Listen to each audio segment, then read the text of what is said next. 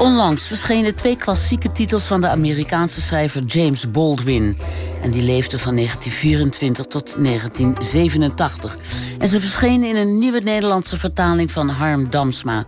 De roman als Beale Street kon praten en het boekje Niet door water, maar door vuur. Twee persoonlijk gepassioneerde brieven waarin de auteur schrijft over liefde, geloof en hypocrisie in het land van de vrijheid en wat het betekent om zwart te zijn in Amerika. James Baldwin, stem van de Civil Rights Movement, blijkt meer dan 30 jaar na zijn dood onverminderd actueel te zijn. Anton de Goede bericht over Baldwin in een nieuwe aflevering van de podcast Lees Dees. I can't be a pessimist because I'm alive. The future of the Negro in this country is precisely as bright or as dark as the future of the country. What white people have to do is try to find out in their own hearts why it was necessary to have a nigger in the first place. Because I'm not a nigger. I'm a man. De Amerikaanse schrijver James Baldwin, anno 1963, een van de stemmen van de Civil Rights Movement.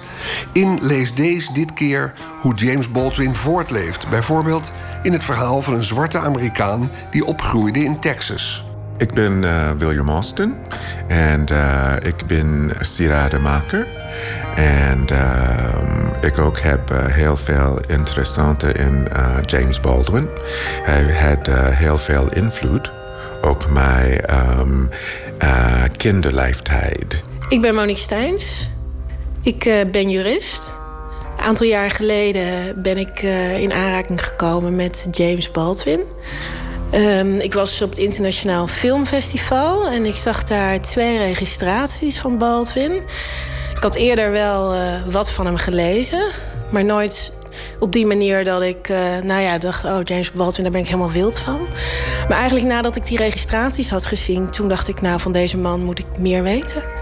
Zowel William Austin als Monique Steins houden van het werk van James Baldwin, schrijver van romans en essays die meer dan 30 jaar na zijn dood onverminderd actueel is. Ik ben uh, hier opgegroeid in Nederland uh, met een gekleurde moeder en een witte vader. En mijn biologische vader die is vroeg overleden. Die komt uit Frans-Guyana. Ik ben zelf geboren in Frans-Guyana en ik ben hier als baby naartoe gekomen. Dus ik, ik weet ook niet anders dan Nederlands. En dat vind ik ook wel heel grappig, wat Baldwin zegt. Alles wat je om je heen ziet is wit. En je gaat op een gegeven moment ook denken dat jij er zo uitziet. Totdat je, als je een jaar of zeven bent, in de spiegel kijkt... en je eigenlijk realiseert van... hé, hey, ik, ik zie er eigenlijk heel anders uit. En dat je, dat je eigenlijk dan pas beseft... ik ben niet wit of ik ben niet hetzelfde als de dominante populatie in dit land. En dat is, een, dat is een heel grappig aspect die ik ook van meerdere mensen heb gehoord. Dat je als je kind bent, dat je eigenlijk niet zo mee bezig bent... totdat iemand net iets te vaak zegt van... ga terug naar je eigen land. Want je denkt, maar ik ben toch in mijn eigen land? Of pinda of uh, iets anders net iets te vaak gebruikt. Dat je gaat denken van ja, maar waarom dan? Waarom zeggen mensen dat dan? En dat je dan gaat realiseren, oh... Een gevoel dat je had bij die registraties van Baldwin op dat filmfestival. Wat mij met name triggerde was de manier waarop hij discussie voerde. En uh, dat ging toen in die registraties ging dat met name over het uh, zwart-wit debat in Amerika, jaren 60. En ik was met name uh, enorm verrast door de manier waarop hij het debat voerde. Door eigenlijk rasoverstijgende argumenten te gebruiken. Dus het ging hem niet zozeer om ras of om huidskleur. Maar meer de manier waarop mensen met elkaar omgaan. In die zin dat apathie een groot gevaar kan zijn. Er is een fragment waarin die apathie door hem benoemd wordt. Een heel fel fragment. Laten we er even naar gaan luisteren. Ja, dit, dit fragment komt uit een in interview met Kenneth Clark. En uh, die show heette, dat was een talkshow, die heette The Negro and the American Promise. En uh, die show is uh, live gegaan in juni 1963. And there are days, this is one of them, when you wonder what your role is in this country and what your future is in it. How precisely you're going to reconcile yourself to your situation here and how you're going to communicate to the vast, heedless, unthinking, cruel white majority that you are here. I'm terrified at the moral apathy, the death of the heart, which is happening in my country. These people have deluded themselves for so long that they really don't think I'm human. I base this on their conduct, not on what they say. And this means that they have become in themselves moral monsters. Wat eh, Baldwin eh, hier wil zeggen is dat apathie een heel groot gevaar is. En dat dat ook gewoon een natie zou kunnen vernietigen. Volgens hem zit namelijk het echte vergif in onverschilligheid. In de manier waarop we de ander niet willen zien. Um, en wat we doen is volgens hem een muurtje om ons heen bouwen. En dan uh, vervolgens willen we niet weten wat er aan de andere kant van de muur uh, gebeurt. Dus we willen niet over dat muurtje heen kijken. En de vraag die Baldwin stelt is... Uh, waarom willen we eigenlijk niets van de ander weten? Is het, gaat het om angst? En, en wat voor angst is dat dan? Is dat om geconfronteerd te worden met een wereld... die anders is dan jouw wereld? Of uh, is het misschien uh, dat je bang bent dat, uh, dat, het dat je genot minder wordt door het feit dat je je confronteert met een, met een stukje andere wereld dan de wereld die, die jou is. En hij zegt eigenlijk dat die angst irrationeel is. Dus dat het niet zozeer gaat om ras, om huidskleur, maar om een irrationele angst. En ook om een groot onvermogen om op een realistische manier naar de wereld te kijken. En als, uh, als ik kijk naar Nederland, dan denk ik dat wij daar ook niet wars van zijn. Ik denk dat wij ook wel uh, de neiging hebben om muurtjes om ons heen uh, te bouwen. Dus volgens mij een paar jaar geleden. Ik denk dat het TNO-rapport was. Ik weet het niet 100% zeker. Maar dat ging met name over de kloof tussen hoger en lager opgeleiden. En waar je eigenlijk ziet dat die groep elkaar niet meer tegenkomen. En misschien wel niet willen tegenkomen. Um, dus ik denk dat um, het wegkijken dat dat iets is wat wel voor elke tijd geldt.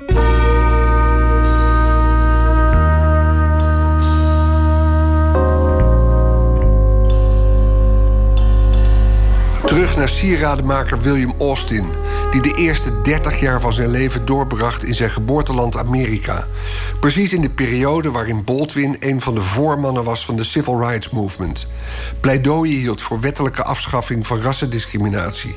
Ik was opgegroeid in San Diego, California. En natuurlijk in San Diego, het is uh, net op de grens van Mexico.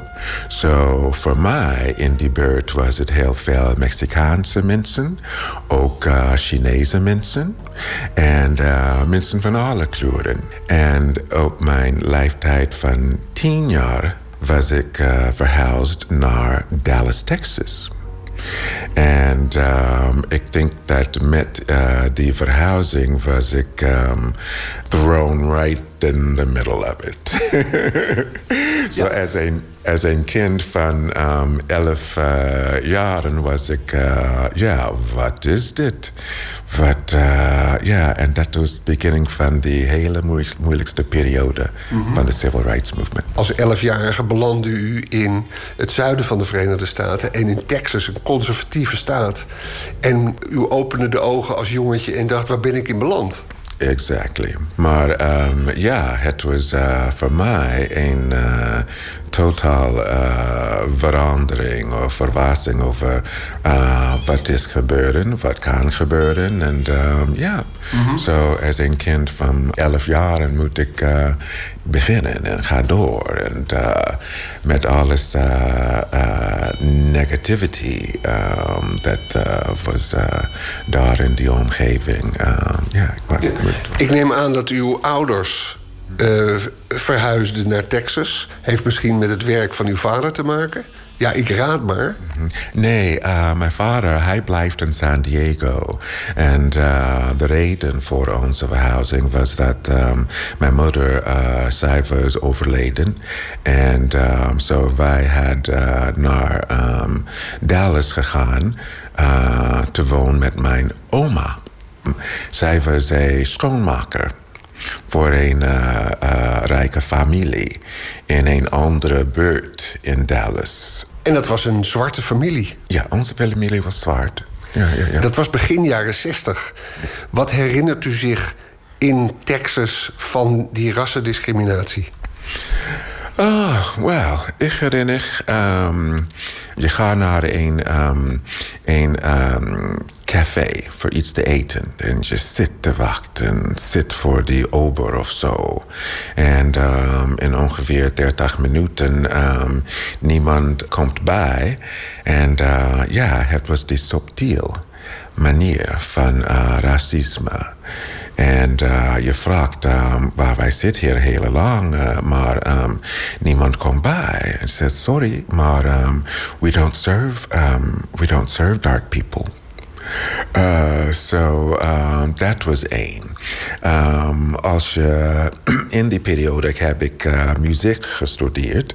En dat was um, uh, classical music. Maar de universities uh, zit in een blanke uh, buurt. So in the transit naar de university, uh, mensen komt uh, buiten, um, de door. Um, hey nigger, what you doing in my neighborhood?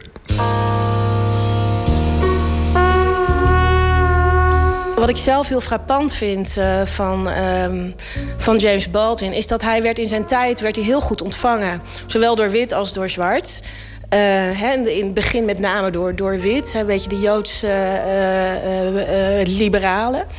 En, um, maar hij zegt hele confronterende dingen. En dat vind ik heel bijzonder, omdat mensen luisteren er wel naar. Ook al wil je het niet met hem eens zijn, je kan er bijna niet omheen. En dat heeft heel erg te maken met zijn stijl. Um, dus hij heeft een hele heldere manier van argumenteren, uh, van onderwerpen naar voren brengen. En heel confronterend, maar wel met humanisme. En daardoor uh, luisteren mensen. Dus hij kan de meest fundamentele, harde kritiek leveren, maar wel op zo'n manier. Uh, dat, je, dat je luistert. En hij doet dat ook vaak met humor, met sarcasme. En dat vind ik heel bijzonder. Laten we nog luisteren naar een ander stuk. Dit is het debat met William Buckley. Uh, Cambridge uit 1965. Leaving aside all the physical facts which one can quote, leaving aside rape or murder, leaving aside the bloody catalog of oppression, which we are in one way too familiar with already, what this does to the subjugated is to destroy his sense of reality. This means, in the case of an American Negro, born in that glittering republic, and in the moment you are born, since you don't know any better, every stick and stone and every face is white. And since you have not yet seen a mirror, you suppose that you are too. It comes as a great shock around the age of five or six or seven to discover that Gary Cooper killing off the Indians when you were rooting for Gary Cooper, that the Indians were you. It comes as a great shock to discover that the country, which is your birthplace, and to which you owe your life and your identity, has not in its whole system of reality evolved any place for you. Het is een enorm ja, bijzonder stuk. Met name ook het stukje waar hij zegt uh, hè, dat je aan het juichen bent voor Gary Cooper in de film. En dat je op een gegeven moment op een leeftijd komt dat je erachter komt uh, dat jij eigenlijk de Indiaan bent waar Gary Cooper op aan het schieten is. Dus ik vond dat uh, een enorm ja, grappig fragment. En ook de manier waarop hij dat naar voren brengt. Maar wat, wat Baldwin eigenlijk doet in, in dit fragment... is een beroep doen op je plicht om je eigen geschiedenis te kennen. Maar het, het ritme is goed, zijn ja. dictie is goed, ja. zijn stem is geweldig... de pauzes zijn goed... Het is eigenlijk ook bijna een soort uh, acteur. Het moet een enorm charisma geweest zijn. Ja, ik, uh, als ik naar de man kijk, dan uh, ligt mijn hart op. De manier waarop hij inderdaad het debat voert. Maar ook wanneer hij lacht. Dat er dan een soort van uh, zonlicht straalt. Hij heeft een heel heel, uh, hij heeft hele grote mimiek in zijn gezicht. En hij draait met zijn ogen. Hij lacht sarcastisch. Hij is heel, uh, ja, hij is leuk om naar te kijken. En geweldig om naar te luisteren. En om hem te lezen? Ja, om hem te lezen. Fascinerend. Ik moet het soms wel twee keer lezen om te begrijpen wat hij zegt. En hij schrijft natuurlijk ook wel heel erg in de tijd. Hè? In de jaren 60, jaren 50, jaren 60 tijd. Ehm, maar ik kan er wel van genieten. Maar het is niet dat ik zeg maar, heel relaxed uh, zeg maar, uh, erbij zit en het boek lees. Ik moet wel echt mijn gedachten erbij houden. En wanneer kwamen de teksten van James Baldwin voor het eerst in jouw leven, William Austin? Ik denk dat uh, komt in de jaren 63 of uh, uh, 64. En de eerste boek dat ik had um, um, van hem gelezen was Giovanni's Room. En uh, voor mij als kind um, met een soort, ik wil zeggen, onderzoek van wie ik ben of um, ja, met de uh, seksualiteit. Dat was een uh, soort introductie voor mij with uh, homosexuality and uh, the gay lifestyle. Well, it wasn't gay in die periode. Dat was niet zo genoemd. so the homosexual lifestyle. Gay, and, gay bestond eigenlijk niet. Ja, ja, het stond... Nee, nee, nee, dat was het niet. Dat was homosexuality. En mm. um, ja, ik had via via gehoord dat uh, homosexuality was the um, more or less the basis uh, van die uh, boek, van dat eerste boek dat ik had gelezen door hem. En um, ja, maar ook in die tijd was hij heel veel actief uh, in de uh, televisieprogramma's. Omdat, uh, ja, civil rights was die hele grote topic um, van die periode. En hij had een voice. And een methode van communicatie that was um, that spoke on heel veel mensen, uh, young, oud. So that was an introductie. Giovanni's Room hadden wij op de leeslijst staan van de scholen. Geweldig liefdesverhaal. En tussen twee mannen. Dat klopt. Uh, maar ons, onze leeslijst uh, was het niet.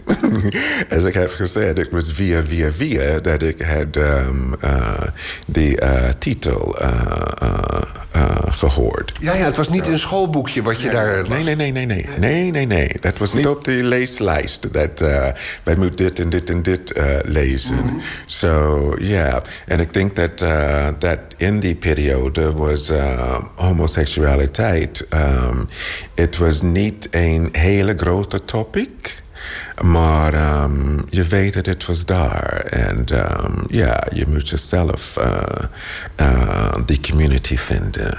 Ja. James Baldwin, Giovanni's Room. Je las het eigenlijk bijna als een soort verboden boek, of ja, niet? Het is een verboden boek, ja, ja, ja, ja, ja, ja. ja.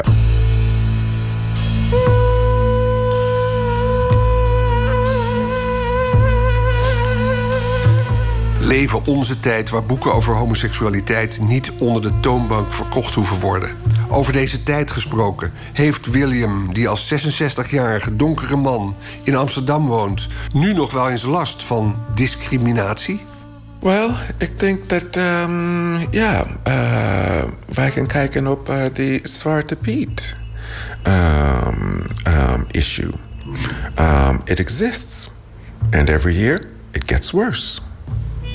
Um, de laatste keer, dit jaar, was het, um, ja, um, ja, echt uitgeborst met, ja, uh, met die radicale uh, blanke mensen.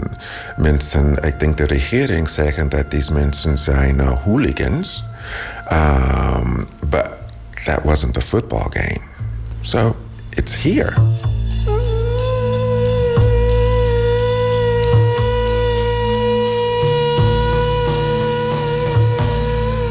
Is een controverse tussen de uitgever en de vertaler. Negro is waar mogelijk vertaald als zwart.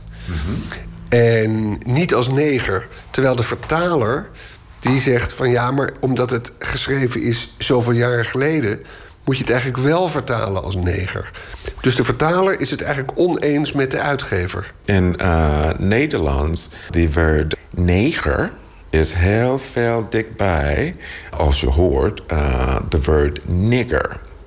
Dus eigenlijk proef ik die uitgever die Negro vertaalt met zwarte, die heeft eigenlijk wel gelijk. Dat moet je eigenlijk nu niet meer vertaald met neger. Mhm, precies. Niet meer met neger. Uh, het maakt niet uit als het boek was in um, 1950 geschreven of uh, nieuw.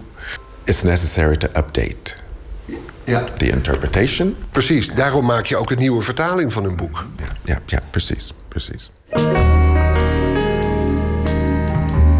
Wie zich wil verdiepen in de vertaalkwesties in Baldwin's werk, bijvoorbeeld hoe het woord white te vertalen als wit of als blank, verwijs ik naar de nieuwe Baldwin-uitgave van De Geus, waarin zowel de uitgever als de vertaler Harm Damsma hun visie geven. Waarmee we aan het eind komen van dit item over James Baldwin. Maar niet na nog even terug te keren naar Monique Steins. Was James Baldwin ook bekend van media zoals de televisie? Monique Steins is dat zelf ook. Zij maakt sinds kort op eigen initiatief, niet ondersteund door een omroep of andere organisatie, een talkshow getiteld Zwart zonder suiker. Zwart zonder suiker uh, is een talkshow. Het is een platform voor vrouwelijke professionals van kleur. En uh, het platform is om de zichtbaarheid te vergroten voor deze uh, vrouwen. En zij praten over hun deskundigheid, over hun werk, over hun passies. Zij komen niet te om te praten over hun kleur of over de kleur van andere mensen, maar echt over hun professionele uh, talent. Ja, en het rare is, ik heb nu, omdat ik hier naartoe ging, heb ik even op online heb ik een paar dingen gezien. Dat is nou precies wat de omroep, de publieke omroep, steeds roept dat er zou moeten gebeuren. Ze zeggen allemaal van we willen die mensen zien. En die zitten zomaar bij jou aan tafel in een soort, ja, je noemt het een no-nonsense project. Hoezo no-nonsense project? Nou ja, no-nonsense programma. Dit, hè, dit gaat uh, over het werk van deze vrouwen en over hun deskundigheid. Dus inderdaad, voor redacties is dit natuurlijk een, uh, een vijver voor actualiteitenprogramma's om inderdaad uh, mensen van kleur te kunnen vinden. Heel vaak zeggen redacties natuurlijk dat ze die mensen niet kunnen vinden. Ze weten wel dat ze er zijn, afgestudeerd en alles.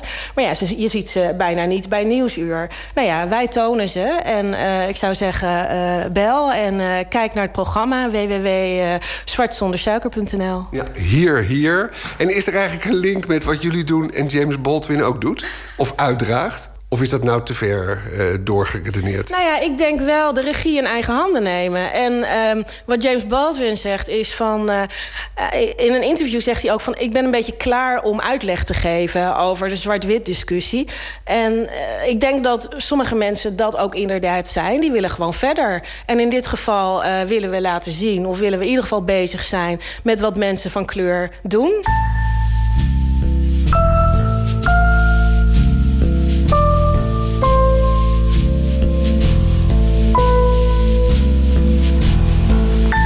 I'm terrified at the moral apathy, the death of the heart, which is happening in my country.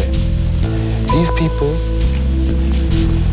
have deluded themselves for so long, they really don't think I'm human. I basis on their conduct, not on what they say. And this means that they have become, in themselves, moral monsters.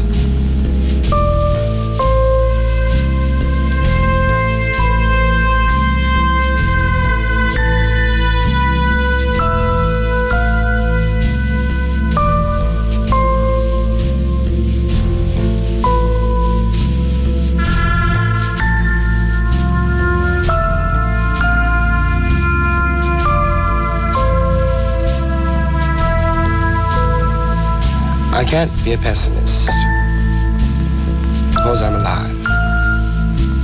To be a pessimist means that you have agreed that human life is an academic matter. So I'm supposed to be an optimist. I'm supposed to believe that we can survive.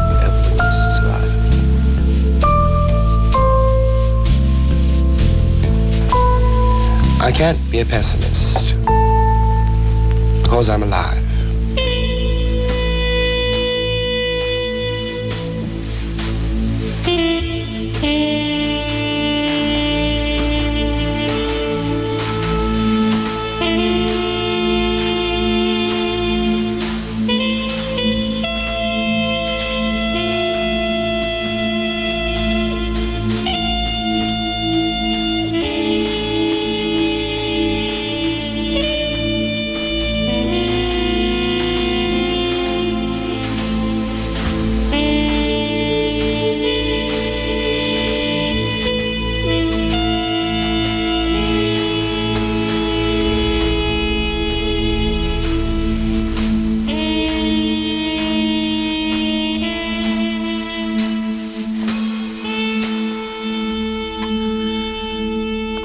Zover Lees Deze, een podcast van Anton de Goede. Dit keer ging die over James Baldwin. En naast Baldwin zelf hoorde u Monique Steins en William Austin. De boeken van Baldwin in Nederlandse vertaling worden uitgegeven door